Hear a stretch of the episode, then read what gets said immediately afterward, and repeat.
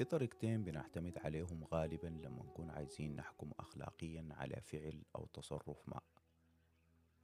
أولا بنحكم قياسيا على الفائدة اللي بتحصل من وراء الفعل اللي حنقوم بيه وطبعا دي بتتغير من موقف إلى التاني. وثانيا بنشوف هل في تعارض ما بين الفعل ده أو أي مبدأ أساسي من مبادئنا. يعني ما ممكن نقتل أو نسرق أو نخون الأمانة وهكذا. والمبدأ الأخلاقي اللي بيقيس الفايدة من وراء كل تصرف أو فعل ده هو عبارة عن مذهب فلسفي سياسي اسمه مذهب المنفعة.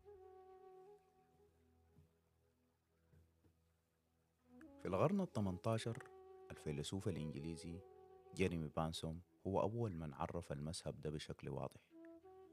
وكانت فكرته بتتلخص في إنه أي فعل أو أي تصرف صحيح وعادل بنعمله مفروض يزيد علينا المنفعة بمعنى أي اختيار كلما كانت الاستفادة من وراه أكبر كلما كان هو الأصح. وقال بانتوم إنه أكبر محركين للبني آدم هما الألم والسعادة. وفي رأيه إنه طالما أي إنسان بيحاول يتجنب الألم والمعاناة وبيبحث عن السعادة فحنخلي الكلام ده كمقياس وميزان نقيس من خلاله أخلاقية أي فعل.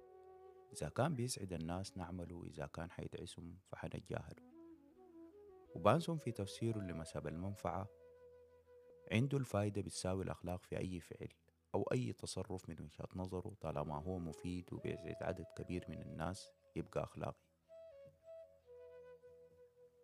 فإذا أنت كشخص من أتباع مذهب المنفعة اللي بيفترض إنه كل فعل طالما بيسعد الناس هو أخلاقي ففي قضية مشهورة في القرن التسعة عشر وتحديدا في العام 1884 ممكن تدخلك في صراع بين الفعل الصحيح أخلاقيا والفعل المنفعي القضية رفعتها المملكة البريطانية متمثلة في الملكة ضد اثنين مواطنين باسم دادلي وستيفن.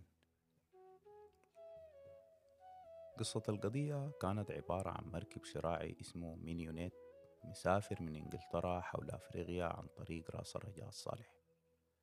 وأثناء الإبحار حصلت عاصفة كبيرة دمرت المركب وغرق في جنوب المحيط الأطلسي على بعد 1300 ميل في اتجاه جنوب أفريقيا. المركب كان مكون من طاقم فيه أربع أفراد اتمكنوا من النجاة من الحادث بواسطة غارب النجاة اللي كان على المركب. وهم دادلي الكابتن وستيفن مساعد الكابتن وديل محور القضية وبروكست كان بحار وأصغرهم شاب عمره 17 سنة اسمه ريتشارد باركر مساعد بحار يتيم ومن غير أسرة وكان أول مرة يطلع في رحلة بحرية طويلة. وفي سرد لأحداث القصة ذكر أن معظم الأكل اللي كان موجود غرق مع المركب وما تم إنقاذه هو جزء بسيط عبارة عن علبتين من اللفت المعلب إضافة لعدم وجود ماء للشرب. في أول ثلاثة أيام حاولوا يقتصدوا تقريبا ما تناولوا أي أكل تماما. في اليوم الرابع فتحوا علبة من علب اللفت وأكلوها مع بعض. وبعدها بيوم اصطادوا حلزون بحر صغير وأكلوه بالإضافة لعلبة اللفت الثانية. فعاشوا بها كم يوم وبعدها عدد عليهم ثمانية أيام لم يتناولوا فيها أي شيء تماما. ده غير إنه ما عندهم ماء للشرب إلا في أوقات قليلة كان بيشربوا من مياه الأمطار اللي بتنزل بين فترة وأخرى. الشاب باركر صاحب السبعة عشر عام ما قدر يصمد لفترة طويلة فشرب من مياه المحيط المالحة بالرغم من نصيحة المعاه في المركب. طبعا باركر أصيب بإعياء شديد جدا وبقى غير قادر على الحركة بقى واضح إنه حيموت قريب. في اليوم التسعة عشر بسبب الجوع والعطش الشديد الكابتن دادلي اقترح إنه ثلاثة من في المركب يموتوا واحد ويأكلوه عشان يقدروا يعيشوا بدل ما كلهم يموتوا. المعضلة كانت أي واحد منهم هو اللي حيكون وجبة الإنغاز للباقين. والسؤال فعليا يتوجه لدادلي صاحب الفكرة فكان رده إنه قال نعمل قرعة ونختار واحد. وروكس وده بحار المركب رفض موضوع القرعة تماما سبب الرفض ما معروف. هل هو كان خايف أو رافض الفكرة من الأساس؟ فيتلغى موضوع القرعة وبدأ البحث عن حل آخر.